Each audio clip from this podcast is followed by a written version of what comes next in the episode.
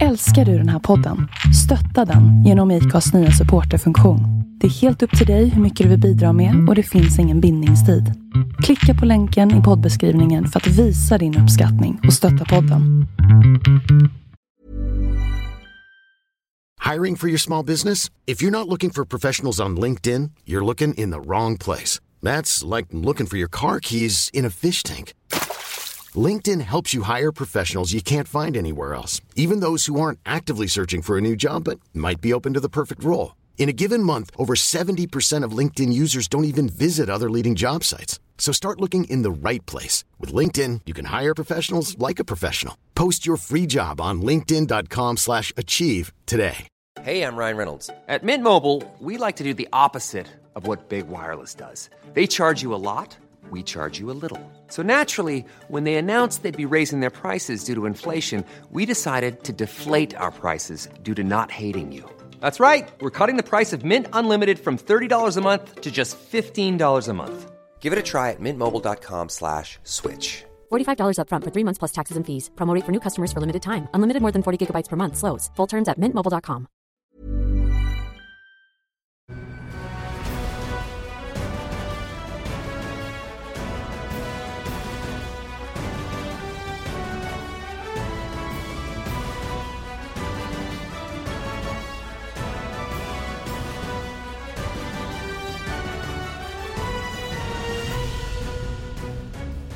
Ja, då är det dags för MotoGPs eh, första vinterpodd, för det är verkligen vinterkänsla nu när vi står här Andreas. Eh, det är dags för avrundning av Valencia och lite, ja, det känns, det känns långt borta genast med, med det här vädret som råder just nu. Ja, det gör ju det. Fem minus ute och ehm, ja, långt ifrån eh, sommarens eh, säsong. Känns det som, även fast det bara gått någon vecka. Ja.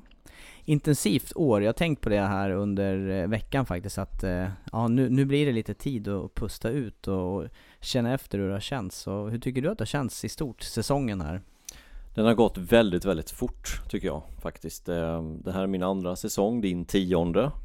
Lite skillnad, men i vilket fall som helst min andra säsong. Man känner sig mer, mer hemma på något sätt. Ehm, när vi har varit on-site så tycker jag det känns också mycket bättre. Lite mer kontakter i depån och sådana här saker.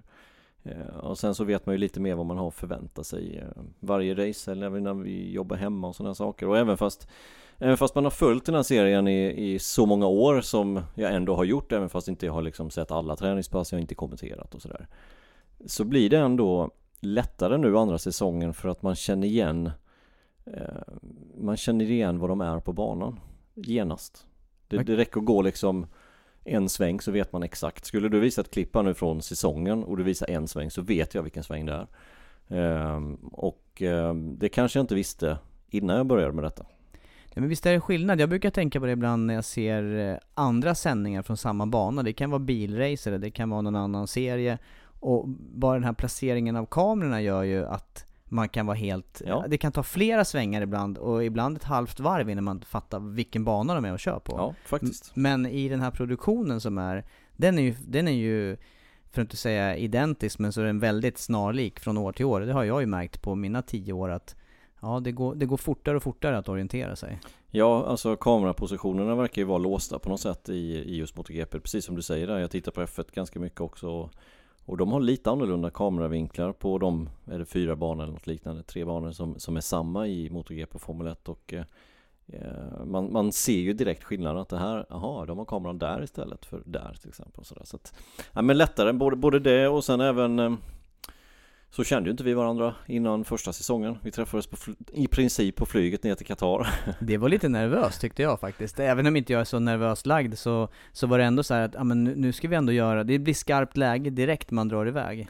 Ja, vi hade ju något upptaktsmöte där på, på Viasat på, på tisdagen eller onsdagen och sen drog vi helt enkelt dagen efter och eh, nej, så det, så det är klart och det hade inte gått att sätts innan det heller för att eh, jag var ju på resa, jag var i två månader i Nya Zeeland precis innan detta så att eh, det fanns liksom ingen tid överhuvudtaget.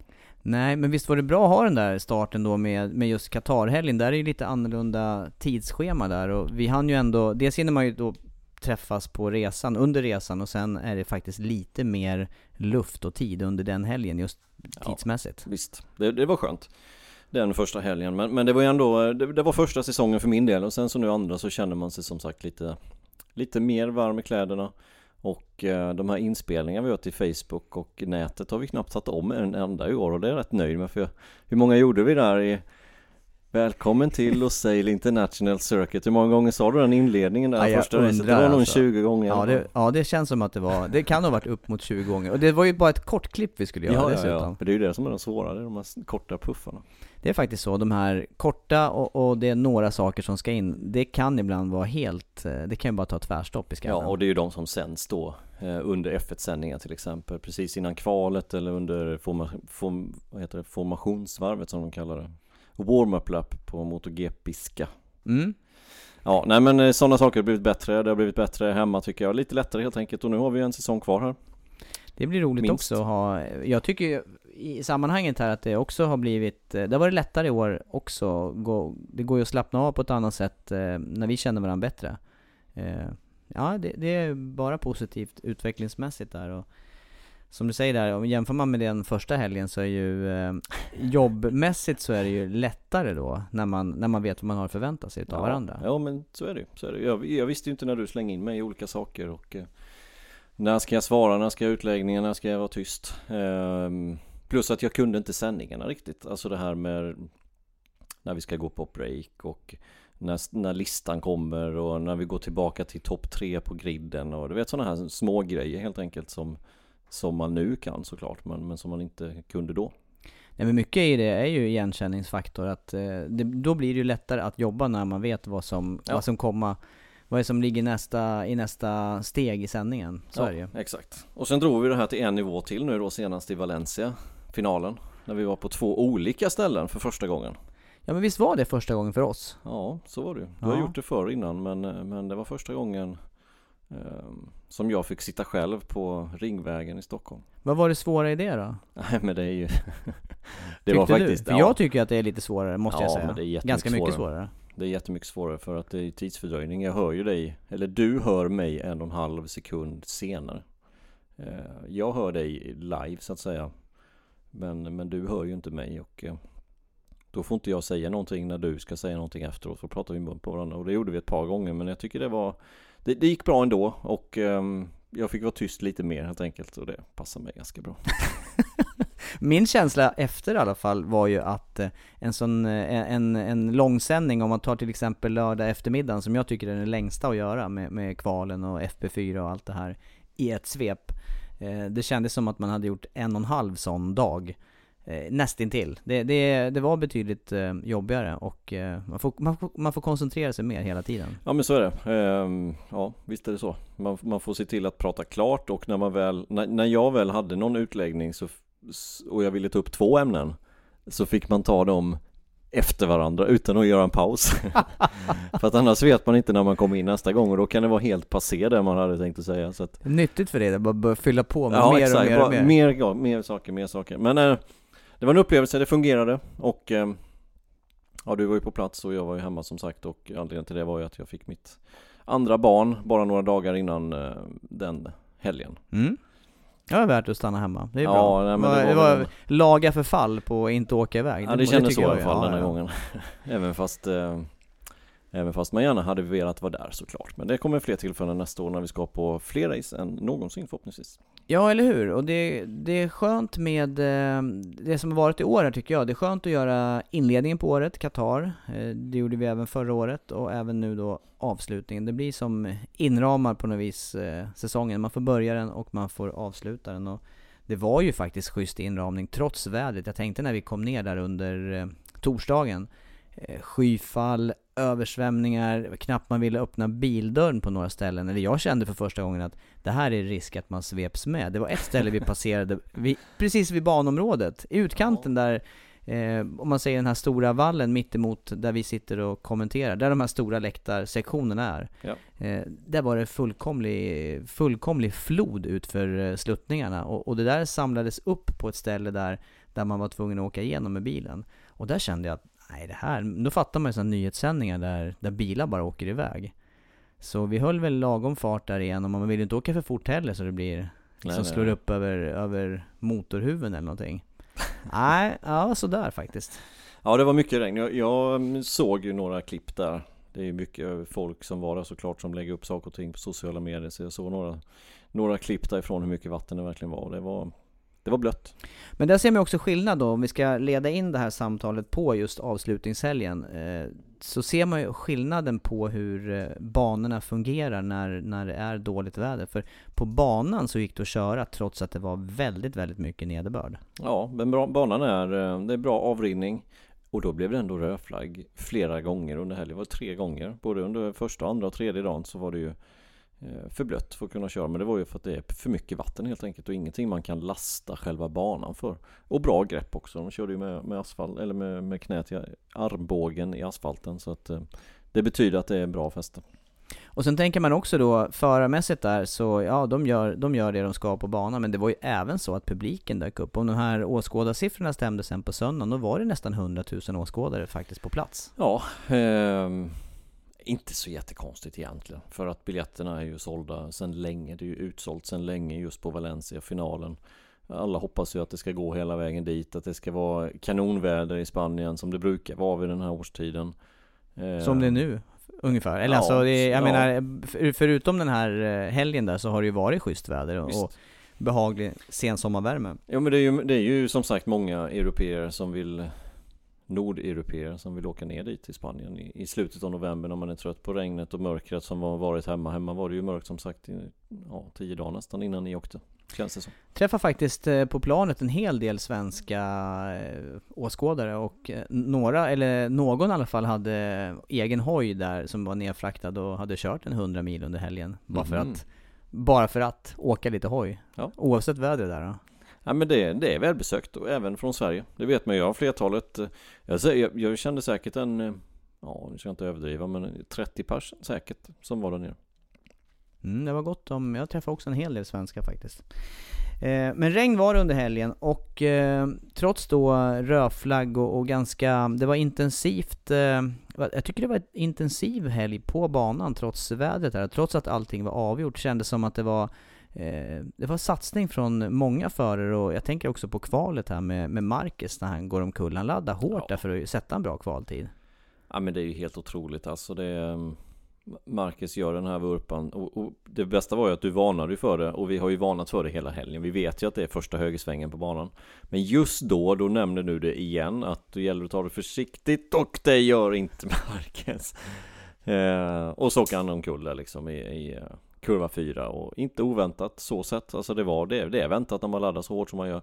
Han skadar den axeln igen och eh, sex minuter senare eller någonting liknande så sitter han på cykeln igen och kvalar in på en femte plats. Och han var ju, var han 1800 delar eller något liknande, under två tiondelar från pool. Det är, ja det är, det är, mm, jag vet inte, orden räcker typ inte riktigt till för att göra en sån bedrift faktiskt. Nej.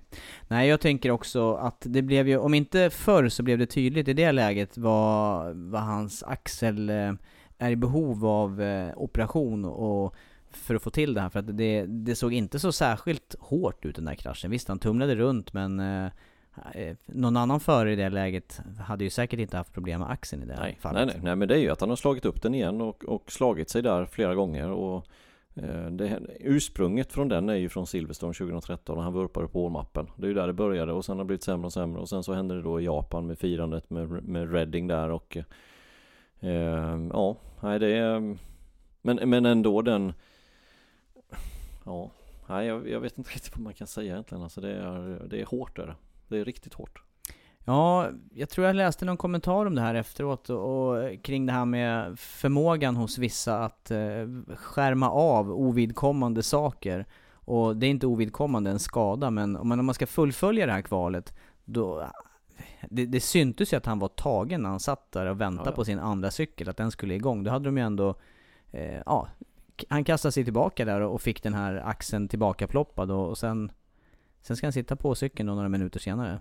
Ja men och kvala in så pass bra som han gjorde också, det är det som är eh, helt otroligt. Han har en, han har en förmåga att kunna glömma sådana saker och det är inte att förringa den, det har vi, vi har varit inne på det flera gånger, att de här förarna som är i toppen mot GP, de, de har en speciell De har en speciell funktion som de kan stänga av vad som har hänt. Just med krascher och psykologiskt, vissa är bättre, vissa är sämre. Eh, Men de flesta har ju skadat sig allvarligt mer än en gång. Och man vet inte riktigt, det har vi också varit inne på, man vet inte riktigt vad det är för virke i en, i en förare innan han har varit ute för en, eller hon, varit ute för en allvarlig olycka. Nej. Nej, vi fick ännu ett bevis i alla fall för Marcus Virke i det här fallet och det var ju ingen som eh, eh som såg sändningen som eh, behövde bara ha några funderingar om dels hur det kändes och sen eh, förvåningen, i alla fall hos mig då, att få se ett sånt här bra varv efteråt. Ja, nej men det har vi ju sett många gånger förr just på Marcus. Han bryr sig inte om det där Alltså Mugello 2013, det räcker med att säga den och googla den kraschen så Så förstår man att det där biter inte på honom Nej Nej, men eh, i övrigt då, kvalet och, och, det som ledde fram till racet, det, det slutar ju med eh, det slutade ju med, för Yamahas del till exempel, om vi hoppar dit, så slutade det med två helt skilda resultat på, på kvalet och tre, två helt olika förutsättningar inför racestart. Ja, Vinales är pool och eh, Rossi, vad var han? 16? Ja, jag tror att det var så långt ner. Ja, långt ner. Han tog sig inte vidare från, eh, från Q1 utan eh, stannade där på en sjätte plats då helt enkelt och där ja. var det en intressant fight i sammandraget också. De eh, slogs ju faktiskt om eh, bronsplatsen totalt sett. Ja, det var ju den enda egentligen kampen. Det fanns ju också om bästa privatförare var ju det som, som var aktuellt också. Men eh, visst, det skiljer bara två poäng dem emellan. Det blev Rossi till slut. Även fast eh, ja, båda kraschade ur, ur racet.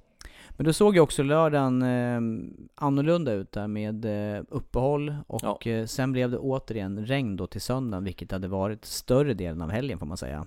Ja, var det inte egentligen bara kvalet som var torrt? Jo. Det var, det var en, en det, fuktigt spår tänkte jag säga. Torrspår var det väl under FP4 och sen så blev det då eh, torrt hyfsat i alla fall. Tiderna var ju inte i närheten av riktiga torrtider men det var ju ändå, ja det var ett par sekunder ifrån.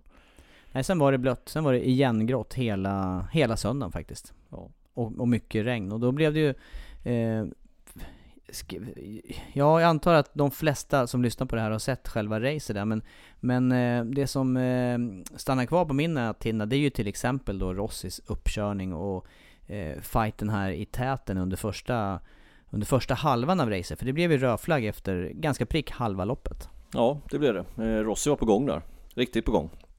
Rins fick ju en lucka där inledningsvis och eh, hade bra tempo då vi kunde inte hänga på och sen så kom Rossi ikapp och vi hade ju en, en trekamp där helt enkelt och eh, eh det, hade, det hade varit intressant om det inte blivit rödflagg för, för just då såg Rossi starkast ut utan tvekan tycker jag. Eh, de vevade in Rins och Dovi såg inte så dominant ut i det läget som han gjorde sen i omstarten. Vilket senare fick då en förklaring till varför han såg stark ut och eh, eh Rossi såg stark ut där eh, men sen blev det omstart. Eh, vad är din uppfattning? Det är klart att eh, reglementet ser ut som det gör här då, men eh, just det här med att man eh, drar ihop och vi, vi, har ju haft olika typer utav eh, reglementer där det har alltifrån räknats tider och avstånd och sådana här saker. Och nu är det mer en rak omstart, man ställer upp i, det, eh, i den position som förarna var då varvet innan rödflaggen. Mm. Vad, ja, vad, vad man, finns det för fördelar och nackdelar med de här olika sätten att se på? Bara, bara ett tillägg där, man har, de, kraschar man så får man ju resa upp eh, Men man måste ta sig in i pitlane fem minuter efter att rödflaggen har kommit ut. Eh, Det kravet har på mig så, så, så, att kraschar man ur och liksom ja, går därifrån egentligen och inte kör vidare Så får man inte vara med i en eventuell omstart. Så därför är det jätteviktigt att lyfta upp sin motorcykel om man nu Nu får man ju fortfarande det Eh, har fått i många år för den tiden, för den delen. Men vi, det har vi varit inne på en annan gång att man kanske inte skulle få det. Men nu får man ju det. Titta på Paul Spargero till exempel. Han gjorde ju så. Han gjorde en krasch, han var på väg uppåt startfältet, gjorde en krasch och så blev det röd flagg och så fick han en ny chans. Startade åtta och så blev han trea till slut. Eh, men tillbaka till det du sa där, det var att innan hade man ju så som du sa att då, då tog man sluttiderna från båda de här delhiten och sen så räknade man samman det. Det ändrade man inte för, inte för allt för länge sedan. Vad kan det vara? Sju år sedan kanske? Sex, sju, åtta, nio år sedan kanske? Något sånt där. Eller kanske när man införde det här med, med två cyklar och byte. Jag kommer inte ihåg Nej, jag exakt. kommer faktiskt inte heller ihåg det. Men jag vet ju att det var ett annat system förut i alla fall. Så var det. Ehm, och jag till och med, jag tror faktiskt man har kvar det i SM. Alltså svenska mästerskapet tror jag fortfarande är så. Men så är det inte mot GP utan där är det som sagt, blir det röd flagg då startar man upp efter så som man stod. Så att har man då ehm, Kritiken kommer ju mot att kraschar man under det första delhitet eller eh, ja, inte kör så bra så spelar inte det så stor roll helt enkelt. Nej. Man riskerar, ja, i efterhand så blir det ju helt meningslöst att krascha till första som inte gäller någonting. Det här med, Eh, det här men med, jag tycker ja. ändå det, jag tycker det är bra, att så som det är. För att det här med tider hit och dit, jag tycker det är Ja, det, det tillhör eh, 90-talet. Mm. Ja, nej, det var i alla fall rörigt för de som följde racen då på den tiden, för då hade man Ja, ju fortfarande ingen aning om, och, och det var, det var även för, det, Ja, men- i, till viss del onödigt, onödiga risker för förarna också som, som inte riktigt vad de, visste vad de fightades om på Nej, banan heller. Exakt, man vet inte riktigt. Och, och då, då räcker det ju med att, ja men eh, du var två sekunder före honom när det blir rödflagg. Det är, häng bara på honom, du behöver inte köra om honom, bara, bara häng efter så vinner du. Alltså det är ju fel. Jag tycker, jag tycker det att systemet man har idag är mycket bättre. Men en sak det- till, ja. Det, det är så sällan också det blir rödflagg i MotoGP idag, utan idag så ska man åka hela distansen med cykelbyte. Det är bara om det blir exceptionella saker som det var som har rödflaggen. Men jag tänkte på en sak till här då, med, eh, för du var inne på det här med Dovizioso, hans, eh, han hade ju betydligt bättre fart sen i omstarten och det fick ju förklaringar att de hade till exempel sparat ett set eh, regndäck, eh, bytte till nya däck. Eh, hur skulle det vara då till exempel att ha parkförmedlare? Alltså man får lämna cyklarna orörda inför omstarten och möjligtvis då fylla upp med lite bränsle om det, eftersom att det blir något extra varv ut och in och så. Ja, visst. Eh, då, då får ju de som kraschar på något sätt inte riktigt den fördelen heller. För kraschar man så är det alltid något som är snett och vint och man vill fixa någon fotpinne, något styre som är vind och sådär. Eh, och det är klart man har fördel av det, givetvis. Och som Dovizioso nu då kunde byta, han körde på medium regndäck fram och soft bak. Eh, Och nu kunde han sätta på ett mjukt framdäck även fram. Så han körde ju soft soft istället med nya däck. För han hade ett set sparat, vilket de andra förarna var helt konfunderade över. Varför hade han det och hur kunde han ha sparat det? Men det är ju smart, så efter efterhand är det smart. Smart däckstrategi under helgen helt enkelt. Mm, det blev ju helt annat, helt annan utgång då och seger till slut också för Dovizioso. Mycket, Ja. mycket tack vare det. Jag var inne på din linje där, att det, det såg ju absolut inte ut så innan eh, rödflaggen. Nej, jag tycker inte det heller. Jag tycker han hade problem att, nu, nu tog han sig ikapp Rins. Men man ska komma ihåg att leda så som Rins gör när det väl börjar regna. För det började ju regna mer och mer och mer. Det är ju just en av de absolut svåraste grejerna som går att göra. Det är mycket bättre att ligga bakom och liksom se vad den andra har hittat på för någonting. Och det var väl det Rins gjorde, visst var det i första halvan av racet där som han, det såg faktiskt ut som att han släppte av och släppte om. eh, Ja, och, där. och det var ju precis innan det blev rödflagg. Ja, exakt. visst. När de hade vevat in honom liksom så släppte han dem då, såg det ut som. Men förutom det så var jag också fascinerad, förutom att det var så tätt vid första rödflaggen där mellan Rins och Dovi och eh, Rossi så var jag fascinerad över ändå hur hårt eh, alla satsade här med, med, det var en hel del krascher. Kanske inte bara beroende på att det var svåra förhållanden utan alla, det kändes som att alla ville göra det yttersta i det här racet. Eller är du på någon annan linje? Nej, det, det- men det gör man ju för sig jämt, men jag tänker på det är lätt att backa av när det, när det är lite svårare så är det ju, eh, det, det är ju stor risk att krascha, så är det ju. ja, det är klart. Det är klart det är det. Men, men eh, det, det är klart att jag är ganska säker på att många förarna körde med lite extra säkerhet. För att de vet vad som skulle väntat på tisdag, onsdag, test, jätteviktigt och hit och dit. Men sen när man väl, när man väl drar på sig hjälmen då vill man ju slå de som är runt omkring. Det, så är det ju. Och dessutom är det, det är ju samma personer hela tiden. Så det är klart att man inte vill liksom eh, lägga sig. Så det är klart att det, det är hård satsning. Det är inget snack. Ja, det var mycket krascher och även vid omstarten så fortsatte, fortsatte krascherna och då var det ändrade styrkeförhållanden där och i topp tre där så, så var det till slut, eh, det var Rossi som gick på öronen där med några varv kvar. Ja, det gjorde han. Ehm, han, var, han, gav allt helt enkelt för att ta sig ikapp ehm, Dovizioso. Det gick inte. Han ville vinna. Ja, det är klart. Alltså, ja, det, det, det är ju inte så Självklarhet. kon- ja, men det, ja, lite så är det faktiskt. Det, Vinales vann i Phillip Island, eh, Rossis teamkamrat och Rossi har inte vunnit något race. Han kraschade från ledning senast Sepang. Det är klart att han var sugen på att vinna racet, inget snack. Och det var som vi sa innan, pokal eller hospital som man brukar säga. Det blev, tyvärr, det blev tyvärr. inte hospital men det blev krasch i alla fall. Ja. Men eh, kanske störst glädje ändå, det var Dovizioso till slut som vann. Rins gör återigen stabil insats. Hans andra halva på säsongen är ju eh, super... Eh, tummen Ja. upp hela vägen. Ja visst, jättebra kört. Men jag skulle komma till tredjeplatsen där, du Mm. nämnde det redan, Paul Espargaro och KTM. Där kanske det var den största glädjescenen efteråt. Ja, men det, det säger ju sig självt också att eh, och, och det var ju inte bara det som hände i MotoGP som är deras dag för, för Önchu vann, vad heter han i förnamn? Mm, Chan. Chan, Chan Önchu. Chan Önchu. Hur Ja. stavar man honom? C-A-N. Som, som Can. Som, Can ja, Can som- Önchu. Så Ja. säger jag, men han heter inte, han heter Jem. Ett, ja, det Cem. kanske, kanske Cem. är. Ja, jag är faktiskt inte, jag måste dubbelkolla uttalet där. Han har norsk mamma i alla fall. Ja. Kämpebra. Ja, nej men han vann ju i, ehm, i eh, Moto 3. Första racet. Ja. Helt otroligt. ja, det var helt Faktiskt, otroligt. det var jätteroligt. Ehm, ja, Lite fick han till skänks, men han gör ju en, eh, Ja, han det- gör ju en eh, riktigt stabil insats ja också. Arbolino gick ju omkull så det är klart att han fick lite till skänks men Ja, det är sådana förhållanden och det, han var väl förtjänt det där. Det höll på att gå pipan i kurva 8 bara på sista varvet. Sista varvet. Ja, det var, det var otroligt, otroligt. Så det, var- fortsatt- det var roligt för Ja. KTM. Ja, ja det, var ju, det var ju fantastiskt. Och det var ju dessutom eh, historiskt eh, med, med tanke på hans ålder också. Visst. Scott Redding la ut någon sån här syrlig kommentar som det var mest på skämt men Först blir han petad från eh, hela den här cirkusen och sen så är det någon som tar hans rekord i sista racet dessutom då för han var ju yngst innan att vinna ett Moto 3 eller 125 Så snart race. är han helt bortglömd. Sån, ja faktiskt.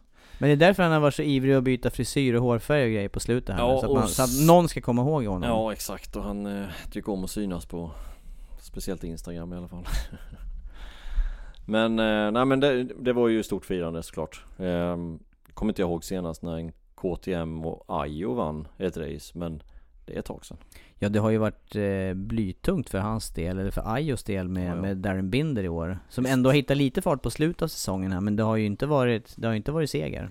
Och förra året hade de Antonelli Mm, Visst var det stämmer. så? Mm. Bara Antonelli, visst var det så också?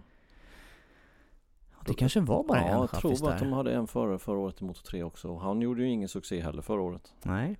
Så att det är ett par säsonger sedan Ajo eh, vann ett race Mm. I Moto 3, sen har han ju vunnit givetvis då i, i Moto 2 med Oliveira och Bindi i slutet av förra året Akiayo var ju väldigt spänd här, eller eh, spänd eller vad ska man säga, han var, han var mm, laddad för att få in Unchu i teamet här. Och det Ja, vet ja. jag, ja, ja det, det var han redan tidigt här under sommaren. Jag tror att vi snackade med honom på i Tjeckien eller något liknande. Och han sa, han, han lyste upp hela ansiktet där när han snackade om den här föraren då. Och sen eh, Inte så så vinner han då, kanske. nej, och så vinner han då första, första möjliga tillfälle. ja. Ja det var stark, det var, det var, det var en, eh, det var en kul inledning på dagen, på racedagen. ja men det var det, absolut 15 år gammal och 128 dagar eller något liknande Helt otroligt eh, Det var ju faktiskt så, vi såg ju massa bilder från pitlane där Det var ju Dennis Öntje var ju, det är ju hans tvillingbror som då är Vad var han sa, fyra eller sex minuter äldre tror jag Så att detta är ju lillebror Mm. egentligen, Mm. fast de är tvillingar. Eh, och det är ju faktiskt så som de påpekade på Twitter att hans lillebror där, eller hans storebror blir det ju då ju. Mm. Men, men storleksmässigt mindre. Ja, precis. Dennis Önche. Han, han syntes ju från pitlane rätt mycket. Mm, han får inte han. ens vara i pitlane. 16-årsgräns. men, men det var väl ingen, det var väl ingen som påpekade. Skulle det vara snyggt om någon lyfte Ja, ut honom bara i hampan där? Du, din tvillingbror kör här ute men du får inte vara här i pitlane. Du, är för, du är för ung. Och du var dessutom bara tvåa i Red Bull Rookies Cup. Alltså han var Nej, ju, ja men han, så nära var ju han. Alltså Ja, ja. det kan inte vara helt lätt att vara tvillingbrorsa där och se, eh, se sin bror vinna racet heller också. När man, nej. när man är i princip, Och han har ju ingen styrning i kaliber. Moto 3-VM nästa år. Utan han ska ju åka för Akis team i, i SEV, alltså i junior-VM eller ja, som går tillsammans med det spanska mästerskapet. ja det, det är kanske ändå okej, men som sagt det, det måste svida lite grann. Ja, gör det verkligen det tror du? Ja, kanske. Ja, jag kan, Ja, alltså jag känner inte brorsan. dem så jag vet, jag vet inte. Nej men hur skulle du känna själv om brorsan? Jag menar de, de har säkert åkt hoj tillsammans och fightats hela det, det måste vara värre än att bli slagen av sin teamkollega. Och så Ja, är man några blir- minuter äldre dessutom. Ja, för det första har jag ingen bror. Jag har bara massa systrar och, och de har aldrig slagit mig i någonting så jag vet inte hur det känns. inte i någon... inte ens i Fia med knuff. Nej jag tänkte säga det, inte ens i sudoku eller något sånt där. Ja, roligt. Nej men eh, jag, jag tänkte också på det där i alla fall att, eh, och storleksmässigt, det är, det är märkligt tycker jag ändå för att de, är- de är ju märkbart, eh, det är märkbart stor skillnad på dem, eh, längd och det lär ju också hänga ihop viktmässigt och det här är ju, Chanunch är ju den stora utav de två och ändå den som är vassare då så att eh, mm. Ja, han har varit eh, vass. Som sagt, turkisk mamma med norsk mamma. Och det är ju, vad sa jag? Så att båda två där. Jag orkar inte peta i det Turkisk pappa Ja. och norsk mamma. ja men det kanske är annars en Så är det. Och det, ja. det såg vi ju inne i hjälmen så hade han ju en, en turkisk flagga och en norsk flagga. Men kör alltså för eh, Turkiet. Mm. Mm. Så är det. Ja, Och så sen motor for- 2. Ja det fortsatte dagen då, då var det ju, då var det igen KTM och där var det i och för sig inte första segern och, men det blev ju däremot eh, sista segern för, för Miguel Oliveira innan han klev över till eh, MotoGP då men, men eh, återigen eh, Och Ja. i den här eran med Honda-motorer ska man komma ihåg, det är ju liksom, eh, satt ju punkt för någonting Exakt. Motor 2-klassen. Eh, återigen så är det en Ajo-förare som, som tar segern. Det finns ju några KTM till, det är ju fem KTM i Motor 2 men det är just Ajos förare som tar, inte så konstigt, han blev ju två i VM Oliveira så det är inte alls konstigt. Tar sin tredje seger för, för året. Tungt år för hans del men avslutar ju på topp. Ja, och tungt just för att han, eh, det har vi sagt många gånger, jag tyckte han eh, brände många av sina chanser på, på lördagen redan med, med kvalen. Ja, det gjorde han. Definitivt. Kvalade dåligt helt enkelt och fick en för stor uppgift oftast på söndagarna jämfört med Banjaya. Hade varit intressant att se honom i ett annat utgångsläge där. Jag tänker att eh, men få en lite lugnare, mindre stressad race-start. Eh, och vi såg ju många gånger Oliveira väldigt duktig man mot man fighter. Sen vet jag inte hur det hade, som sagt var, bara vilken utgång det hade blivit i kampen med Banjaya men eh, ja, det, det, ble, det blev större poängskillnad än vad det hade behövt bli tror jag mellan de förarna. Ja, det håller jag med. Det håller jag med. Men händelserikt motor 2 också måste vi säga. Det, det small ju redan i första svängen där Marini gick omkull och några andra förare också. Eh, Baldassari var det väl Just det, bland det var annat. det. Mm. Och eh, tog med sig Bagnaia lite grann ut också i, i Fick åka ett långt spår där i kurva fick 2 i jag, tappade, tappade ju pallchanserna och nästan topp 10 chanserna på det också. Så att det var, ja, det var inte bra. Inte bra för, för raceutvecklingen om man får säga så då. Nej det var det inte. Men det var ändå, ändå som du säger här, för, för att vara en regnhelg, för att vara en regnig söndag så tycker jag att för min egen del så satt jag eh, på helspänn ändå och, och det blev eh, tätare race än vad jag hade trott faktiskt. Ja, ja det, det blev ju rätt utdraget i Moto 3 måste vi säga. Där, där blev det rätt utdraget. Eh, men visst, det blev ett bra MotoGP-race och eh, till att summera det här så så är det ju nästa KTM då med Paul Sparger och tog också en pallplats. Så vilket firande de måste ha haft. Alltså det måste ju ha varit årets fest där på söndag. Det är det ju eh, från början tänkte jag säga avslutningsfesten i Spanien, Valencia alltid. Men ehm, KTM måste ju ha De måste ha gjort något alldeles extra där. Jag, såg så. ingen, jag såg inte någon av dem faktiskt vidare där under kvällen, så de hade säkert något eh, privat bokat, kändes det som. Ja för annars brukar du ha rätt bra koll på det här med festerna i alla fall. Ja, jag var faktiskt runt lite grann där och, och kollade läget. Det kan jag ju, det kan jag erkänna. Ja.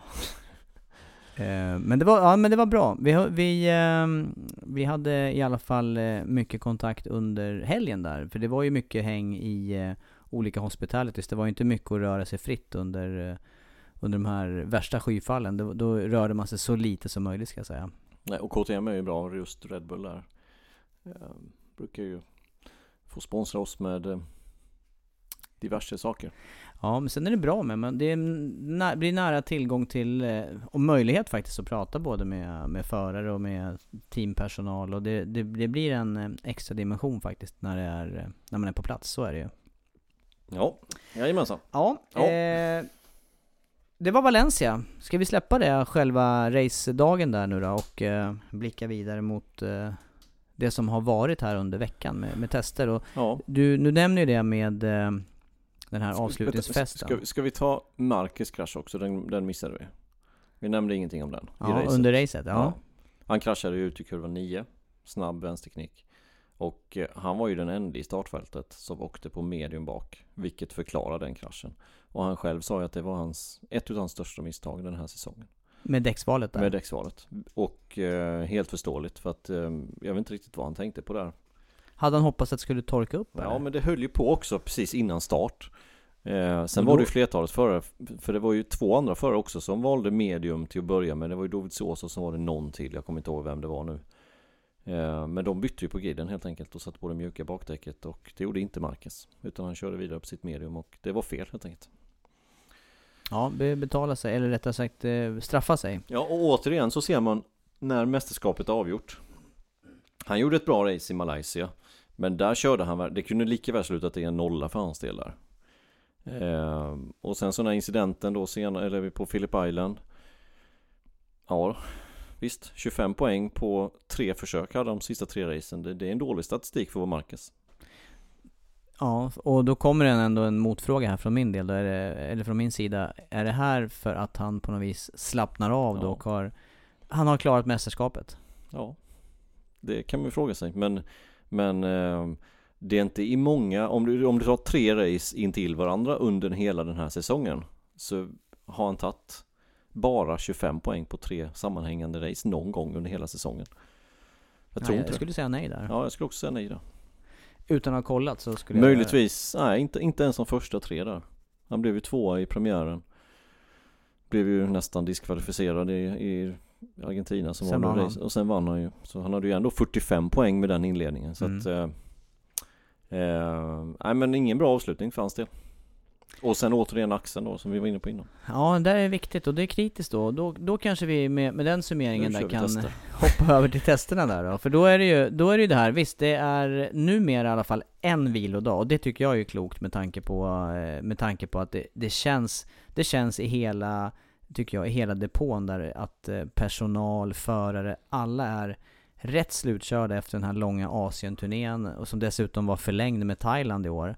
Eh, och sen då med Australien och olika klimat och så vidare. Så att folk är slutkörda och eh, en hel del är sjuka också utav alla resor där och Ja. ändringar i... Nej men så som man hade det innan så hade man ju som sagt testerna brukade ju dra igång efter lunch egentligen på måndagen och det förstår man ju nu att det går ju inte. För det är ju så mycket förare som byter garage och det ska vara skinnställ och det ska ställas in styren och det ska fram med nya hojar. I Honda-garaget så var det ju sex hojar liksom och det var bara två gamla. Så att Alltså det är så mycket grejer att göra. Så jag tror nog mekanikerna har fullt upp söndag kväll och hela måndag. Du, det märktes extra tydligt här. Jag var inne och snackade med, med Johan Stigfeldt där och de höll ju på med alla förberedelser och det var eh, De hade fullt upp vidare där på söndagen och måndagen såklart för att ställa ordning allting som ska, som ska vara igång. Så att det är ju klokt om det, ska, om det ska bli någon vettig körning. Eh, Nu blev det ju inte så mycket vettig körning ändå Men man kör ju fyra test, ska vi börja där? Fyra test, vintertester. Första är direkt efter racet, det har redan gått.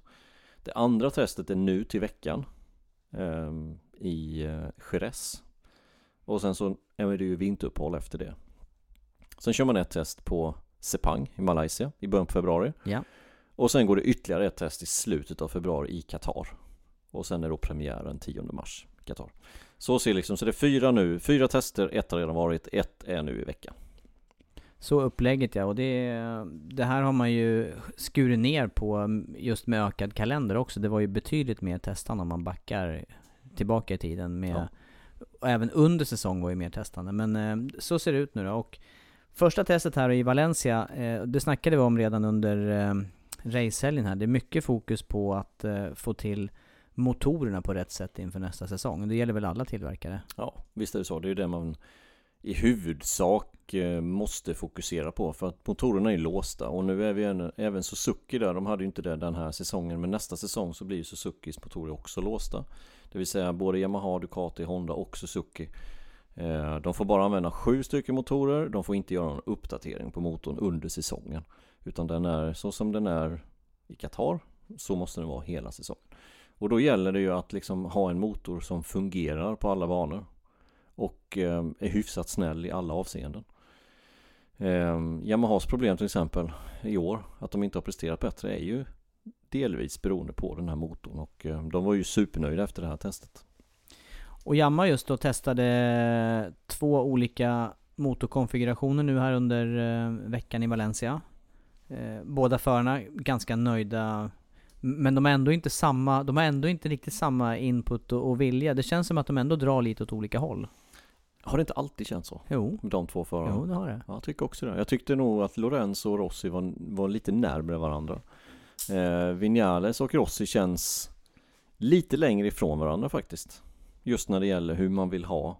Kom ihåg förra året. Första fem racen Vinales, klockren. Rossi inte lika nöjd. Och sen så blev det ett nytt framdäck till Mugello. Och då var Rossi, nej men nu känns det bättre för Rossi. Och då var det ner i källaren för Vinales. Jag tänker också att de är, de är ju helt olika skede av sin karriär. Vinales är ju precis på vippen och, och vad ska man säga, slå igenom och, och verkligen eh, fighta som en, om sin första titel. Och, och Rossi då eh, ute efter sin tionde i sammanhanget. Och någon skillnad borde det vara däremellan också. Ja, det både körmässigt och inställningsmässigt och vad man, eh, vad man föredrar. Det är olika, helt olika generationer ju. Ja, visst, så är det. Visst Men, och, och jag tycker att för varje För varje racehelg som går och nu har det gått två säsonger de tillsammans det, Vinales skruvar upp tonläget hela tiden Tycker du inte det? Jo det gör han. Och det är Att- framförallt under Att- säsong jag Ja men de måste med, börja lyssna på mig liksom, det är Ja. ungefär så som man uttrycker Ja. sig och eh, Det är ungefär som att lyssna inte mer på 46an där För att det är jag som är framtiden, lite så Den undertonen åtminstone Ja har det jag tycker fått jag också att det låter. Hey, I'm Ryan Reynolds. Recently, I asked Mint Mobile's legal team if big wireless companies are allowed to raise prices due to inflation. They said yes. And then when I asked if raising prices technically violates those onerous two year contracts, they said, What the f are you talking about, you insane Hollywood ass? F- So to recap, we're cutting the price of Mint Unlimited from $30 a month to just $15 a month. Give it a try at mintmobile.com slash switch. $45 upfront for three months plus taxes and fees. Promo rate for new customers for limited time. Unlimited more than 40 gigabytes per month. Slows. Full terms at mintmobile.com. Ever catch yourself eating the same flavorless dinner three days in a row? Dreaming of something better? Well, HelloFresh is your guilt free dream come true, baby. It's me, Gigi Palmer. Let's wake up those taste buds with hot, juicy pecan crusted chicken or garlic butter shrimp scampi. Mm. Hello Fresh. Stop dreaming of all the delicious possibilities and dig in at HelloFresh.com. Let's get this dinner party started.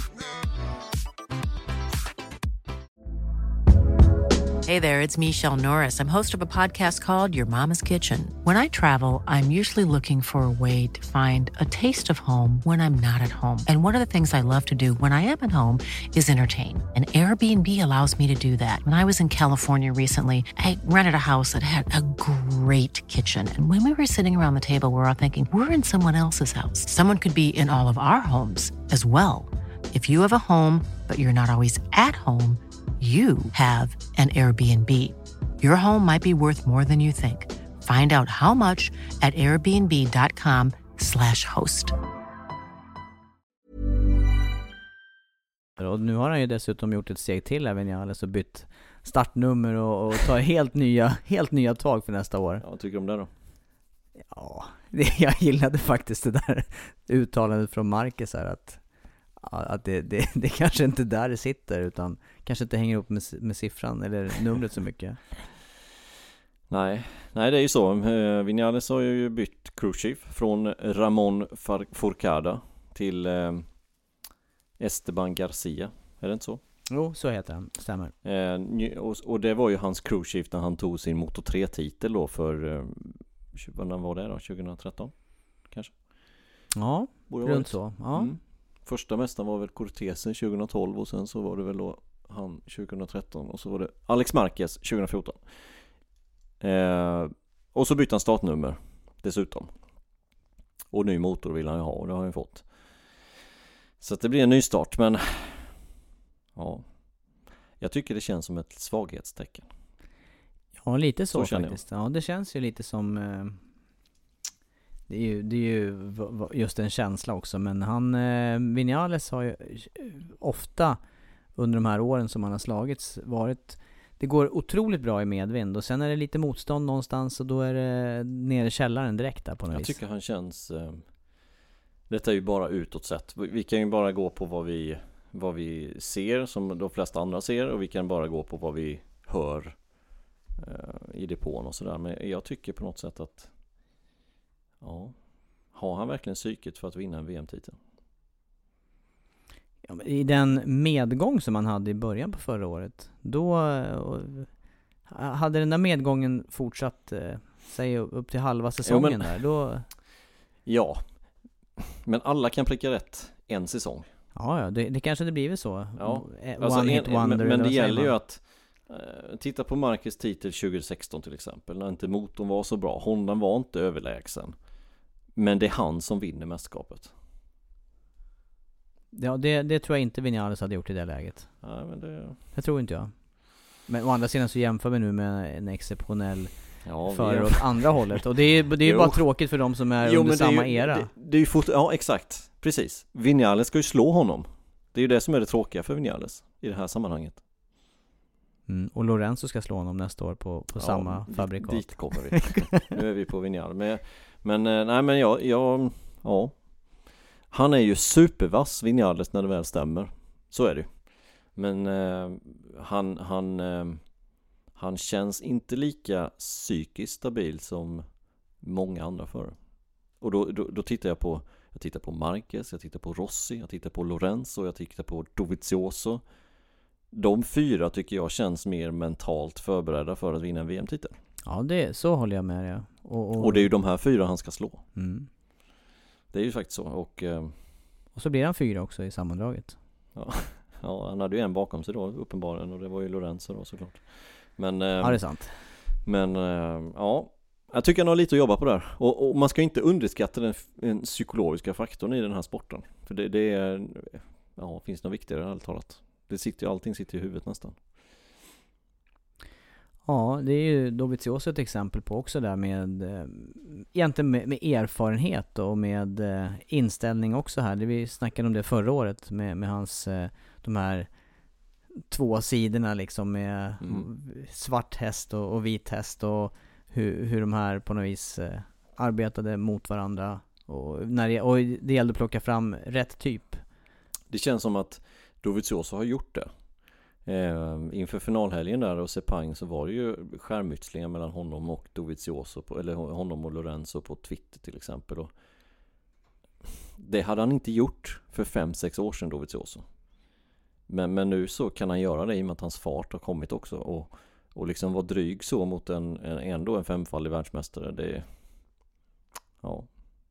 Det, det säger att han, hans mentala liksom vad han tror sig ha övertag känner jag i alla fall att han tror att han har övertag. Mm. Är du med? Ja. Och, och det är ju, det, den, den faktorn ska man inte underskatta liksom. Jämför det med att säga att Yamaha måste börja lyssna på mig och inte den andra och vara liksom lite hysterisk över det. ja, då är man ju i underläge Då är man ju underläge istället. Och det är ingen bra grej alltså. Känner jag. Nej.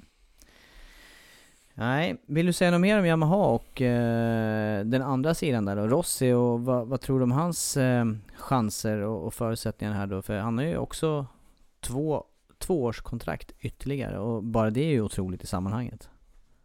Ja det är det faktiskt. Vi har ju pratat om att han har kontrakt i två år till men, men det känns som att ja men då blir det nästa säsong också men det är ju faktiskt ytterligare en säsong. Uh, nej men eh, alltså han har prickar Yamaha rätt och, och de kommer med rätt feedback förarna och kan enas om vilket steg de ska ta så, så skulle jag inte utesluta att han kan vara med och slåss om mästerskapet. V- Vem kan göra det? Vem, vem kan utesluta det? Men det måste ju studsa lite stolpe in, så är det ju. Ja i alla fall där tänker jag i fighten med, med Marcus och sen beror det också på hur, hur Lorenzo utvecklas i, eh, i Honda tänker jag där. Ja, och sen så ser ju startfältet vassare ut än, än någonsin. Jag vet inte, ska vi, ska vi dra den här test... eh, Ska vi, ska vi ta varenda märke eller? Vad, ska vi... Eh, vad ja, börjar vi? Yamaha har vi ju där med, med, eh, om vi då tittar på resultatet där från testen så är det ju Yamaha i topp med Vinales just som vi har, som vi har sågat lite grann här nu. Ja.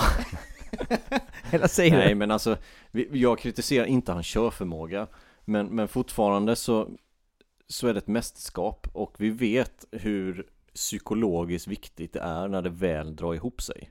De är de ganska här- ensamma förarna. När det, väl, när det väl ska till, då är, Ja. det, det, vet ju du och det vet ju jag Ja. också från, från olika erfarenheter. När man väl sitter i den där stolen och ska ut på hojen, då är man ju ensam och ska utföra jobbet. Så är det. Du kan ha hur stort team bakom sig som helst. Det enda du ser på ett race, det är en tavla som hängs ut på start och mål. När röda lampan släcks, då är det du och gasrullen. Det är ingen annan. Så enkelt är det.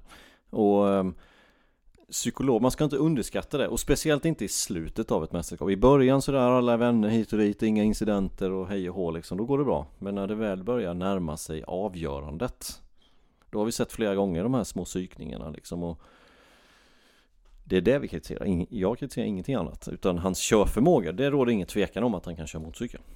Han hade ju faktiskt ett eh, rätt stort problem sa han själv efter racet i, i Valencia just och, och lyckades på något vis komma underfund med det. Det var ju elektroniken som inte riktigt lirade på ett par växlar va? Stämmer det? Ja, men, men, men ställa om, återigen, då lyckades han ställa om liksom Ja, under... jag återigen kritiserar inte hans körförmåga Utan det är liksom det andra som När det väl ska till liksom Det är det som jag undrar om man har eh, Det sista Det som talar för det, det är att han har varit världsmästare en gång Mm. det, det är ju inte oviktigt i sammanhanget men om vi tittar på resultaten då så kan vi ju studsa vidare till eh, Ducati, för det var Ducati och Dovizioso som var tvåa till slut efter, efter testerna. mm, Så var det Eh, Han fortsätter på sin bra, bra fart Dovizioso och eh, för hans del så känns det som att det är de här detaljerna bara som måste bli bättre För de har ett bra motorpaket redan Ducati Eh, Återigen deras problem är som sagt mitt i svängen men Det är ju inte bara det att Det är ju inte så att Ducati inte kan Säga så här, men vi, vi, vi kan bygga motorcykeln som man kör mitt i svängen. Det är klart de kan säga så. Men det gäller ju vad försakar man på vägen dit? Som det har varit i år så har de ju varit klippt stabila i inbromsningen Har du sett någon annan fabrikat efter en långraka bromsa förbi en Ducati? Alltså i princip inte. Nej. Det är någon gång kanske. Men det är inte vanligt. Och sen även ursväng. Exakt. Och det är klart att någonstans måste man ju ha en En svagare punkt och deras svagare punkt, ja men det är ju just mitt i svängen Men det såg vi också skillnad på från, eh, från Australien där, att eh, någon, eller ganska stor utveckling har ju skett på den fronten under året. Ja, absolut, självklart Så um, då ser det fortsatt eh, bra ut då för Ducati. Och, och där, är- men även där har det ju varit, eller även där, där har det ju också varit förarbyte då. Då blir det ju Petrucci eh, Mm. Mm. Dovizioso. Ja, och eh, det har inte jag helt varit helt övertygad om det bytet faktiskt. Utan det känns som en försvagning i teamet. Men eh, vi får väl se helt enkelt. Vi får ge Petrucci lite tid också. För att köra för ett satellitteam är inte samma sak som att köra för ett fabriksteam. Eh, Och den här nya växellådan de har kommit underfund med nu då Som växlar mjukare Som är en, den här sömlösa växellådan Evolution nummer två helt enkelt då Som ska vara ännu mjukare. Man inte får de här pikarna helt enkelt när man lägger i växlarna utan att det ska bli jämnare, det ska hålla däckslitaget nere säger de och sådana här saker och det är kan ju vara till en fördel för en sån som Petrucci då som väger lite mer, han väger ju faktiskt lika mycket som jag, 78 pannor Oj! Så vilka, tung. Vilka bjässar hörru!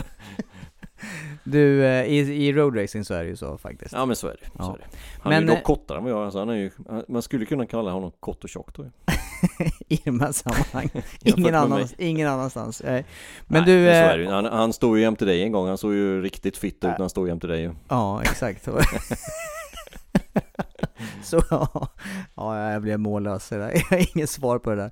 Du, eh, det ser också ut, generellt sett så blir det ju stark, en starkare uppställning Ducati-cyklar nästa år också. Det blir bara två generationer. Det blir årets och Ja. eh, egentligen då, ja, GP19. Ja, exakt. Ehm, och det kommer vi komma till lite längre ner i listan, vilka som kommer lida av det mest. Men, ehm, men så är det. det kommer, istället för åtta Ducati-cyklar så kommer det bli sex stycken Ducati-cyklar. Året bjöd ju på två stycken GP16, tre stycken GP17 och tre stycken GP18. Och till nästkommande säsong så blir det ju helt enkelt tre stycken GP19 och tre stycken GP18.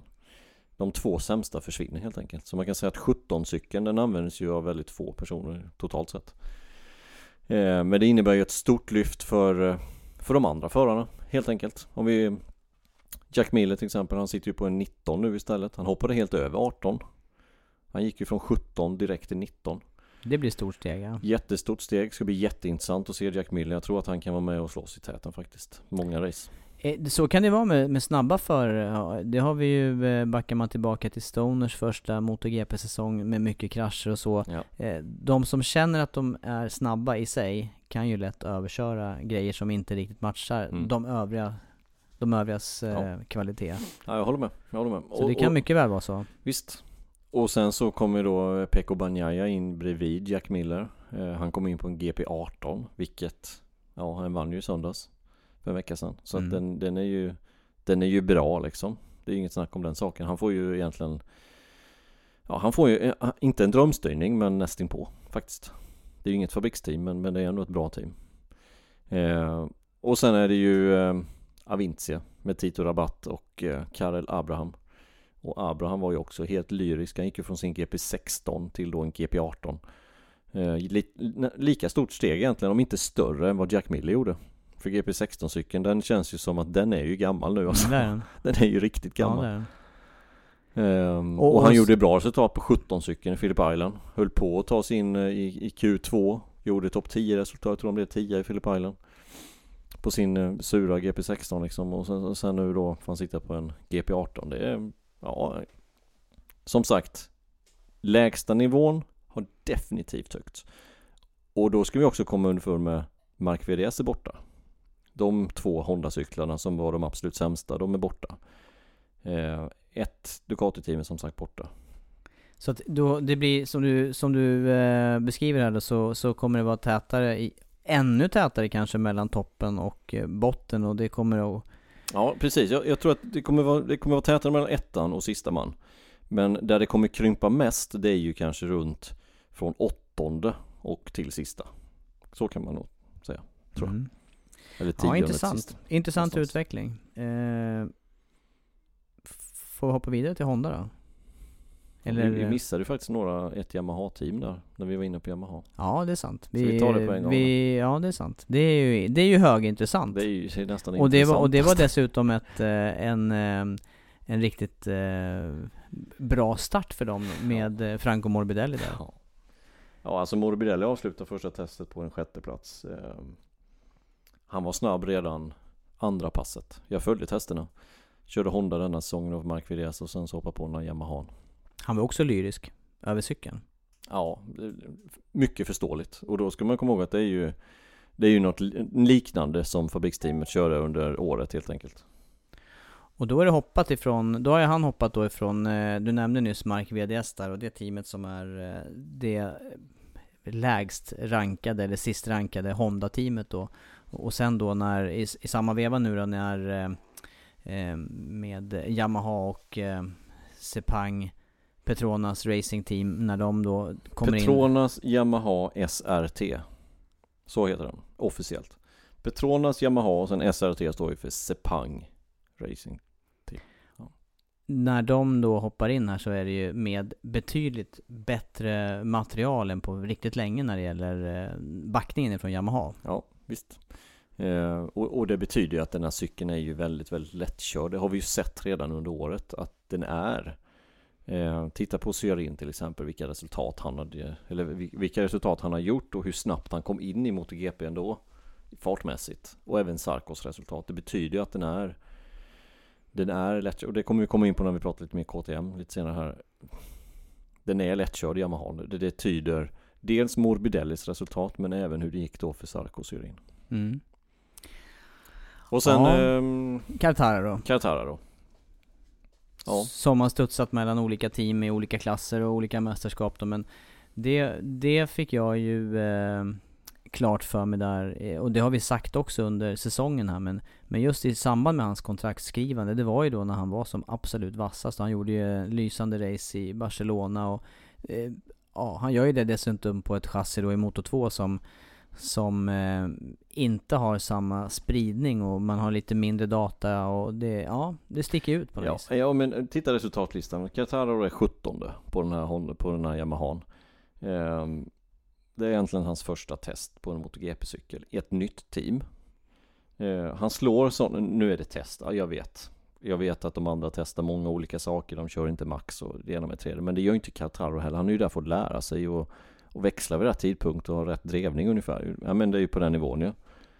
Ehm, Qatar är alltså 17 Han har en sån som Enon, Pirro, Folger, Sarko, Abraham Sörin Smith och Oliveira bakom sig Många namn. Många namn Och bra namn Även fast de har ju sin anledning att de ligger där såklart Men fortfarande så Så kör han 32 blankt liksom och det är, det är en bra tid. Det är 1,3 sekunder från Vinales Ja, det blir högintressant att följa det teamet här och, eh, och, och utvecklingen och, och framförallt då Yamaha då med, eh, som, som lägger lite mer krut nu då på att nå ikapp Honda kan man väl säga som har varit, Honda och Ducati då som, som man framförallt har tappat mark gentemot. Ja visst. Jag hoppas att de gör det också Ska vi gå vidare nu då till Honda? Nu kör vi Honda. Nu kör vi Honda. Mm. Och då var det Marcus som var trea på testet här och eh, Ja, eh, han har ju varit den som har burit upp Hondas resultat och poängskörd här under året. Vi gjorde ju den här jämförelsen ungefär vid Det var runt Silverstone tror jag. Ja, jag tror det var Silverstone. Stämmer. Vi, vi kunde köra samma statistik i ett race till vet jag. Perfekt. Skönt. Minska, min, Nej, men då hade minska ju, jobbet. Då hade ju fem förare från, som körde Honda hade ju fyra poäng och Marcus hade 300, 203 själv. Så att det skiljer en poäng dem emellan. Eh, mycket beroende på att många andra har gjort en dålig säsong givetvis. Pedrosa. Eh, ja. Crutchlow gjorde ju en bra säsong inledningsvis. Sen hade han en dipp där mitt i och sen gjorde han en bra avslutning också. Eh, så visst, Marcus har ju burit upp det här. Och eh, det lär han ju få all anledning att göra nu under vintersäsongen. Han har ju ett hästjobb framför sig. Hade, hade Pedrosa fortsatt på Honda, hade Crutchlow inte varit skadad, då är jag rätt övertygad om att Marcus hade legat under kniven redan. Faktiskt. Och sluppit testa här helt ja, enkelt. det, det tror jag. Det tror jag faktiskt. För att vara så bra förberedd som möjligt inför februari sen. Ja, exakt. Men eh, som sagt, Crutchlow borta. De har Brader istället. Det, det är en bra testförare, inget snack om den saken. Men han är ingen Mark Marquez och han är ingen Crutchlow. Eh, och han är ingen Pedrosa. Eh, så att och Lorenzo är inte heller helt fit. Nej, Lorenzo är inte helt fit och har kört Honda i två dagar nu. Så, så han kan ju inte heller vara med och liksom peka ut de positiva, negativa, små grejerna som man måste göra just vid det här tillfället. Utan för han är det ju liksom att ställa om en helt annan körstil. Så att, eh, ja, lite kan man gå på vad han säger såklart, men inte, inte så mycket som man kanske vill. Samtidigt ska vi komma ihåg att eh, motormässigt här så verkar ju årets cykel ha varit eh, den bästa de har haft på länge. Ja, ja det verkar Det håller jag med om. Det deras problem har varit det är ju att de har behövt köra för hårda framdäck. Det har varit deras stora problem. Och det är mycket därför vi har sett många krascher från Marquez som toppar den statistiken. Var 23 var uppe i 25 eller något liknande denna säsongen. Han vann det även förra året. Så att, eh, det är deras stora problem just nu. För, för det är en helt annan känsla att köra med ett mjukare däck som man har lite mer känsla i.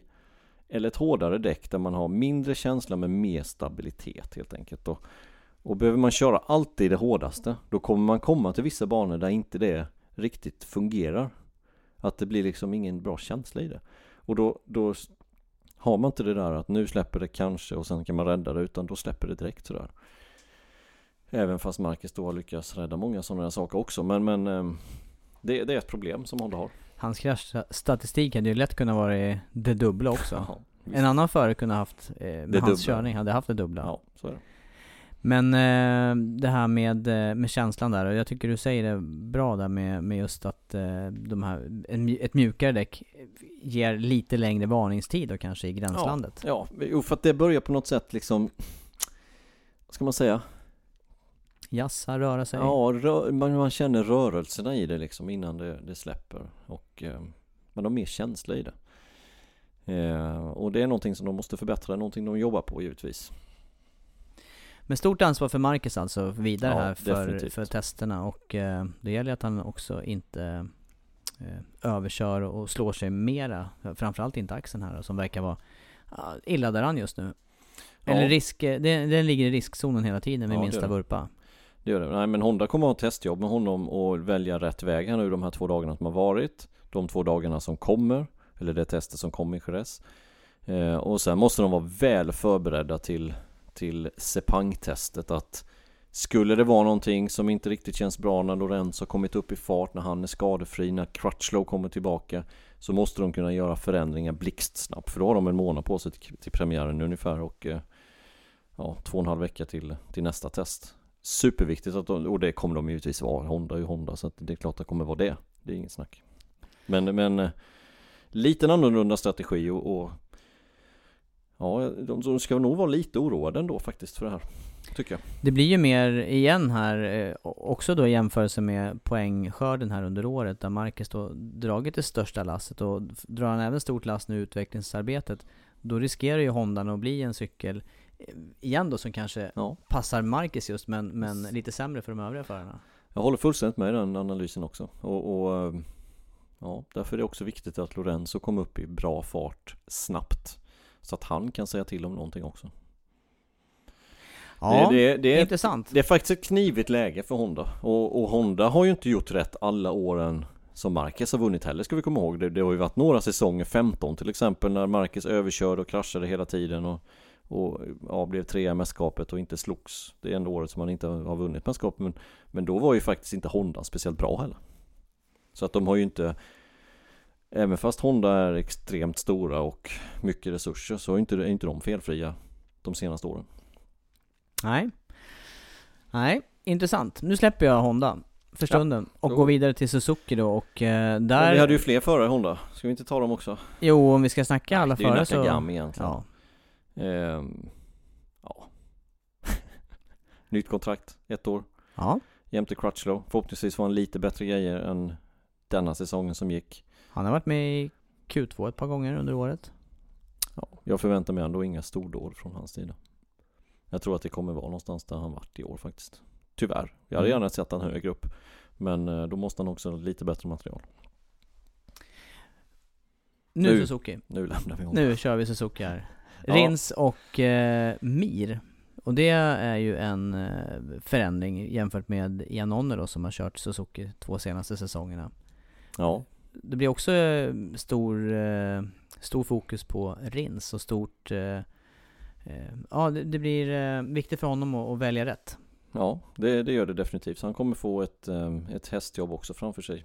Dessutom nu när de inte får göra någon utveckling på motorerna nästa kommande säsong. Det kommer bli Eller de får göra det men inte under säsongen. Eh, det kommer bli eh, Antingen som i år att det går bra Eller som förra året när det går riktigt dåligt. Eh, Det känns som att det blir någon Något eh, Ja antingen eller. Så känner jag i alla fall. De har ju inte heller mycket backup i och med att det är bara två cyklar totalt sett. Det är ju det, är det, det är utav topp, det är av toppteamen som egentligen har en väldigt eh, smal topp och ingenting under egentligen. Nej, Nej det, är, det är Svår situation, riktigt svår situation är lite fundersam över det här eh, förarbytet faktiskt. Men inte, inte Men- sagt att men- det, Mir Nej. sk- skulle vara någon dålig förare på något vis där. Han är alltså, han är 14 på testet, en sekund efter Vinales. Det är ju riktigt bra, måste man ju säga. Han, hade, det kommer ju fram efteråt här, att han hade ju efter Sepang så hade han ju flugit till Japan, till Motegi och fått köra den här cykeln där Guintoli testade dessutom och fått en dag där och ställa in styren och allt sånt där liksom. Så han var ju inte helt, helt rookie när han kom då till Valencia-testet. Det var ju smart. Väldigt. När man är i den delen av världen och får det här testet. Ändå ganska intensivt schema. Ja, ja det, Ytterligare. är, det är ingen kort resa från Från Kuala Lumpur till, till Tokyo såklart. Det är ju några timmar flygning. Ja, tufft. Ja. Men eh, i vilket fall då, stora framsteg i år och eh, en riktigt framgångsrik säsong för Suzuki då. Och, och få Rins till det och få Suzuki till det, då är ju han, det har han ju visat andra halvan på året här, då är ju han definitivt en av förarna att räkna med egentligen var som helst. Ja, det tycker jag. Eh, jag har svårt att se att Rin ska kunna vara med och slåss om mästerskapet. Det har jag. Eh, men topp tre? Ja, inte omöjligt. Det är inte omöjligt att han kan, också kan vinna ett race nästa år. Det, det är fullt möjligt, skulle jag säga. Sen har vi då två ytterligare fabrikat här. KTM som utökar, nu tänker jag, nu tänker jag speeda på med de här. Ja, okej. Vill, nu har, du har inga andra förare i bakfickan på Suzuki, det vet jag. För de har bara två Nej, cyklar. denna gången har jag inte det. Nu kan du inte dra upp något. Och jag har ingen superbekväm heller vad jag vet. Nej, jag vet inte vem jag ska ta upp då om det är Suzuki. Nej, jag vet inte. Till och med Hayden har ju lagt hjälmen på hyllan. Ja, skit också. Ja. Ja, nej då struntar vi i Suzuki. Tony Elias. Ja, kanske han. Nu skojar jag Jag kan ingenting om AMA just nu så att... Nej. Nej. Men eh, det var mer skämt och, och sidospår där. Men det är KTM och Aprilia kvar. Och KTM hade ju sin eh, helg här med stjärnglans eh, resultatmässigt.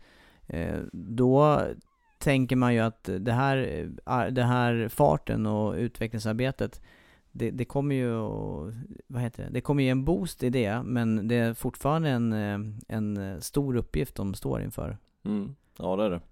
Eh, många tror ju liksom att eh, men nu lossnar det för KTM och nu får, får de med sig det här resultatet och nu kommer det bli bättre nästa år och nu får de in Sark och Ja, efter att ha sett testet som sagt, in, ja, tv-sändningen från testet både tisdagen och onsdagen eh, så kommer det bli en jobbig säsong skulle jag vilja påstå för Sarko. Riktigt jobbig säsong. Eh, det ser ingen vidare ut helt enkelt, skulle jag påstå. Tänker du både hur, hur det ser ut på banan och tidsmässigt såklart också? Ja, absolut. Alltså tidsmässigt, han är 21 Han kör 32,5 Han är 1,8 sekunder efter 1,7 sekunder efter Vinales. Eh, det är ingen bra öppning. Han hade dessutom två krascher sista dagen. Vilket kom i ett sånt Alltså vissa krascher kan man förstå att nej, men då laddar man fullt in i svängen och åker på ett framhjulssläpp eller vad det nu kan vara för någonting. Men hans krascher kom Den ena i alla fall, den kom in i kurva 1 Snabb ingång, man är på sexans växel 320-330, man går ner till treans växel och så går man in. Den här kraschen skedde tidigt i ingången till svängen, alltså när man har börjat lägga på eh, broms och ska liksom svänga in. Och eh, det ser inget bra ut när det just händer där. För, för när det händer där, då, då känns det som att nej, då har han inget förtroende liksom för cykeln. Nej, det, nej precis. I det läget och sen också att det lätt sitter kvar i huvudet en sån ja, grej också. Och det gör det ju automatiskt när någonting sånt händer. Eh, så att eh, det ser inte bra ut. Faktiskt. Det nej. ser inte bra ut.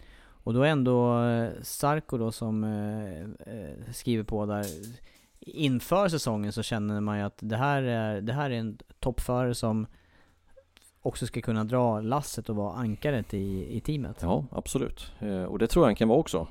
Eh, men, men man ska komma ihåg att Paul Sparger och han är också världsmästare i Moto 2 så det, det, är ingen, det är ingen dålig förare det heller, ska man komma ihåg i detta.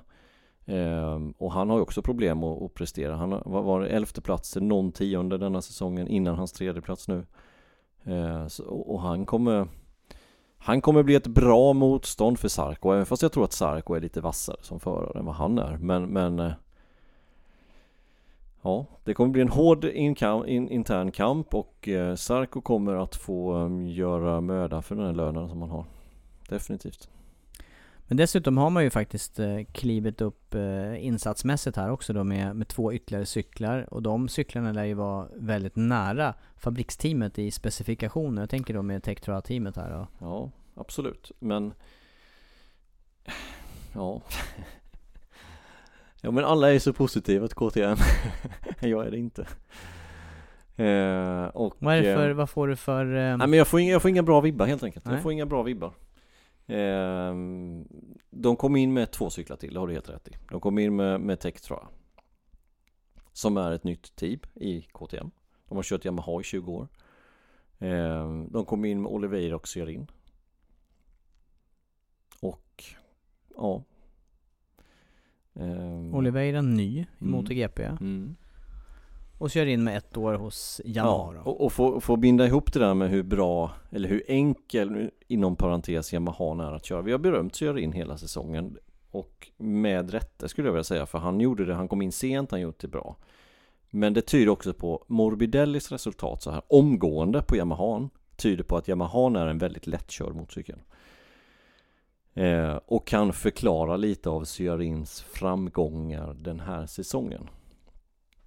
Ehm, jag tror han kommer bli eh, Han kommer få en väldigt, väldigt tuff säsong. Och, och vi har varit inne på att lägsta nivån har höjts. Inga Mark cyklar inga Aspar-cyklar.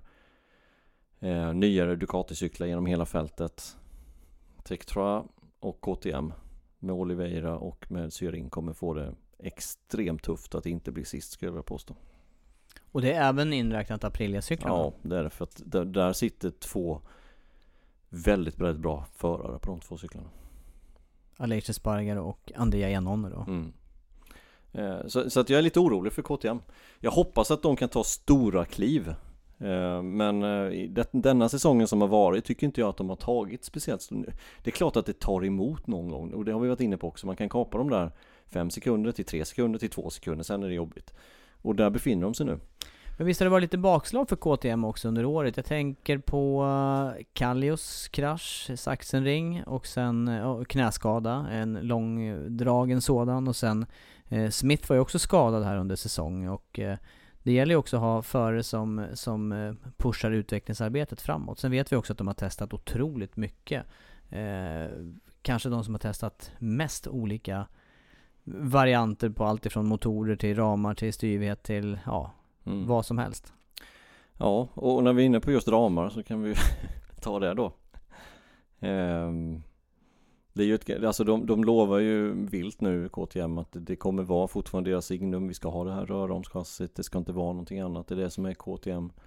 Eh, jag tycker man känner igen det lite från svensk politik just nu. Någon måste ändra sig någon gång. Jag, jag är rädd för att de kommer att göra någonting åt det där också. Att det inte, att det inte håller längre helt enkelt med, med det här rörrams... Nej, men jag, jag känner på något sätt, det håller i motor 2, det höll i motor 2 eh, Nu testar de nya Triumph-cyklar, eller Triumph-motorerna nu senast, det ska vi ta nästa vecka Eller nästa podd rättare sagt hur det gick på de testerna men Men där är KTM där, där är Kalex, Kalex, Kalex, Kalex, Kalex, Kalex, Kalex, Kalex, Kalex, Speed Up, Kalex, Kalex, ungefär så. Och eh, KTM är ingenstans, de har tydligen stora problem med chatter för tillfället. Eh, Ja, Ja. Det är lite, och det är betydligt mer effekt i de här cyklarna, i Triumph-cyklarna. Ja. Det är en annan Nu massa. säger jag inte att det hör ihop men, men, men, men jag personligen känner att det finns en anledning till att fem märken har aluminiumchassin. Mm. Ja, intressant. Vi får, vi får väl se här under Jag är säsongen. superimponerad Och jag om- säger, jag säger det här har vi ju faktiskt pratat om också under sändningar att det är ju också så att eh, utvecklingsarbete går ju ganska fort till en viss nivå Ja. och sen är det, det här, de här sista stegen som är Ja. svåra att nå. Och för vissa, vissa når ju inte dit någonsin heller. Nej, nej, nej, men det var som inför säsongen liksom, vi trodde att KTM skulle kunna lyfta sig och sen får de in Sarko och vi ser vad Sarko har presterat för någonting och, och då trodde vi att men nu ska han ta klivet och ta med sig KTM upp i toppen men Men efter att ha sett första testet och sett hur hans cykel beter sig Så ser det inte så bra ut, tycker inte jag i alla fall Nej. Så, så kan jag säga Nej, jag är benägen att hålla med här och det, alla de här argumenten håller ju just med, med eh, övriga cyklars styrka och, Ja. och ja. Och, och, och sen även eh, Morbidellis fart redan liksom andra passet. Det tycker jag också tyder på en, en styrka i Yamahan helt enkelt. Ja, vi Som- har, Ja. ja. Vi, vi kör Ja. sista märket nu då. Ska vi släppa KTM? Jag Eller har du det. någonting att Nej, med? jag har faktiskt inte det. Inte i det här fallet. Det, det känns eh, som att siffrorna, eller tiderna talar för, talar ganska klarspråk i det här fallet och eh, eh, mm, det, det finns eh, det finns kvar att arbeta på för KTM. Ja men det gör det, det gör det. Jag hoppas att de tar ett kliv till nästa säsong.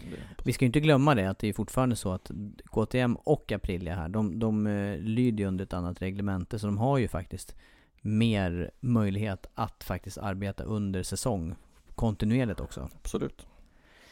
Eh, och Ja. Aprilia då, två Aprilia. förare. Mm. Du har eh, nämnt och höjt dem redan, Janone och, eller eh, Espargaro kanske vi ska nämna först och sen Janone då som är nytillskott. Ja, eh, absolut. Och eh, testet, Asperger var 10 och eh, var 18. Det är klart att Janone är lite längre bak. Han måste ställa om sig till en Aprilia och eh, sådana saker. Så att eh, självklart. Eh, men jag tror att de kommer ta ett kliv ändå. Jag känner det. Eh, att fabriken i Noale kommer göra någonting speciellt i nästkommande säsong. De har satsat nu och fått in Andrea Janone. Eh, ja. Jag tror ändå på att de kan kan ta ett kliv till här nu faktiskt. Ja, För de gick ju inte såg- rätt väg den här säsongen. De hade ju problem med deras 18-cykel. Sen så sista, sista tävlingarna så gjorde de en kombination av 16, 17, 18, någon hybridvariant och eh, har sett bättre ut för Sparger. Sexa i Aragon, det, är- det är Det var det jag inte- tänkte lyfta också. Ja, det är inte, det är inte illa pinkat faktiskt. Nej. Och sen Nej. var de ju med också ganska högt upp här under träningarna. Och vassa under kval, eller vass under kval brukar Espargaro vara och det brukar ju Ja. även Janone kunna vara. Så att då, då kan de ju på så vis skaffa sig bra förutsättningar till, till race. Ja, och, och sen så just det någon också som har vunnit race i MotoGP. Det eh, tror jag är viktigt. Mm. Så att, eh, ja, men jag, jag tror att de kan ta ett kliv till faktiskt. Jag tror det. Nu har jag varit långt borta ifrån eh, vinterkylan här ett tag i, tankarna. Känns som att eh, vi har varit på plats nästan i en, i en box och stått och analyserat här och haft cyklarna framför oss. Ja, fast och- vi, och det fast bäst- vi egentligen inte har det. Och det bästa är ju att det är tre test kvar. Första testet, vi drar mycket slutsatser efter ett test. Men vi ska vänta Jerez-testet och sen är det två test kvar. Men nu är det väl, ja vad sa vi, 110 dagar var det ju förra söndagen. Det är söndag kväll när vi spelar in det här. Nu är det alltså 103 dagar kvar då. Tills vi sitter där i poolen i Qatar och spelar in en ny puff. Vi får någon nytänk då? då. Eller ja, vi vi får får, det. får ha något annat tar en annan pool. Exakt. Nej men eh, det, det är naturligtvis, eh, jag tycker samtidigt att det, det är välbehövligt med en paus nu, så känns det som i alla fall. Nej, jag, jag känner faktiskt inte det. Jag känner att nu kan du faktiskt börja igen. Alltså jag, jag känner mig väldigt, eh, jag följde de här två dagarna som sagt slaviskt. Eller jag höll på hemma lite och fixa. Eh, men hade alltid på i bakgrunden så där jag kände nu, nu är det dags att det drar igång alltså. Så lyssnade man på de engelska kommentatorerna och så ville man säga vissa saker emellanåt. Ja, ja. ja. Men det var ingen som lyssnade på mig den gången. Nej du får min chans. dotter på du två får- veckor. Ja, undrar vad hennes första ord blir då. Får se. Om du har något, om du har något relaterat till det här, Jag vet. kanske. Ja men vi gör det, vi avrundar denna sändning. Eller denna Mm. Podd. Så får vi försöka och um, podda lite här i vinter. Vi, eh, vi får, eh, som du sa där, vi får eh, knyta ihop säcken här också med övriga tester med Moto 2 som, som är högintressant tycker jag då för nästa år med, med nytt reglemente. Det, det blir ju en, en boost i den klassen Mm. och sen också Moto E, helt ny klass. Mm. Motor 3. Fortsatt stark som sagt var med, Mm. med nya förartillskott ifrån eh, underifrån och eh, det är ju på något vis en, eh, en viktig instegsklass i, i eh, VM-serierna. Mm. Vi får analysera alla klasser i vinter tycker jag. Och um, gå igenom lite så här och sen även ta en avstämning till en MotoGP efter nästa Jerez-test som är i veckan. Försöka hinna åka lite egen motorcykel också. Jag är sugen på Ja. issäsong nu. Ja du är det va? Ja, det får, jag får gärna smälla, det får gärna smälla till och bli lite kallare här. Snart lägger sen så får Husa bergan rastas. Ja, det är dags. Hög tid för det. Ja. Då avrundar vi Vi och eh, tackar för eh, det här. Så gör vi.